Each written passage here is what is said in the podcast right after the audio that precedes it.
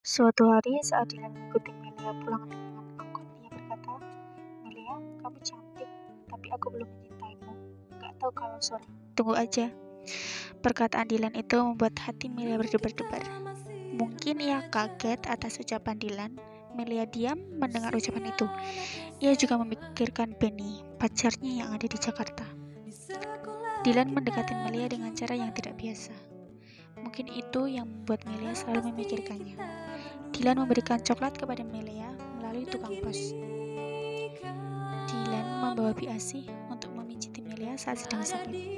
Dylan memberikan hadiah teka-teki silang saat Melia ulang tahun dengan tulisan Selamat ulang tahun, Melia. Ini hadiah untukmu, cuma TTS, tapi sudah aku isi semua. Aku sayang kamu, aku tidak mau kamu pusing karena harus mengisinya. Dylan. Lambat laun, seiring berjalannya waktu, Melia dan Dilan menjadi akrab. Melia mengetahui beberapa hal tentang Dilan dari Wati, sepupu Dilan yang sekelas dengannya. Sekolah Melia di Bandung, terpilih menjadi peserta cerdas cermat Ferry. Beberapa siswa yang bukan peserta dianjurkan untuk ikut memberikan semangat buat teman-temannya yang sedang berlomba. Melia salah satunya, dan di Jakarta ia sudah Melia sudah lama menunggu berjanji untuk datang ke TVRI, namun Benny tak kunjung datang.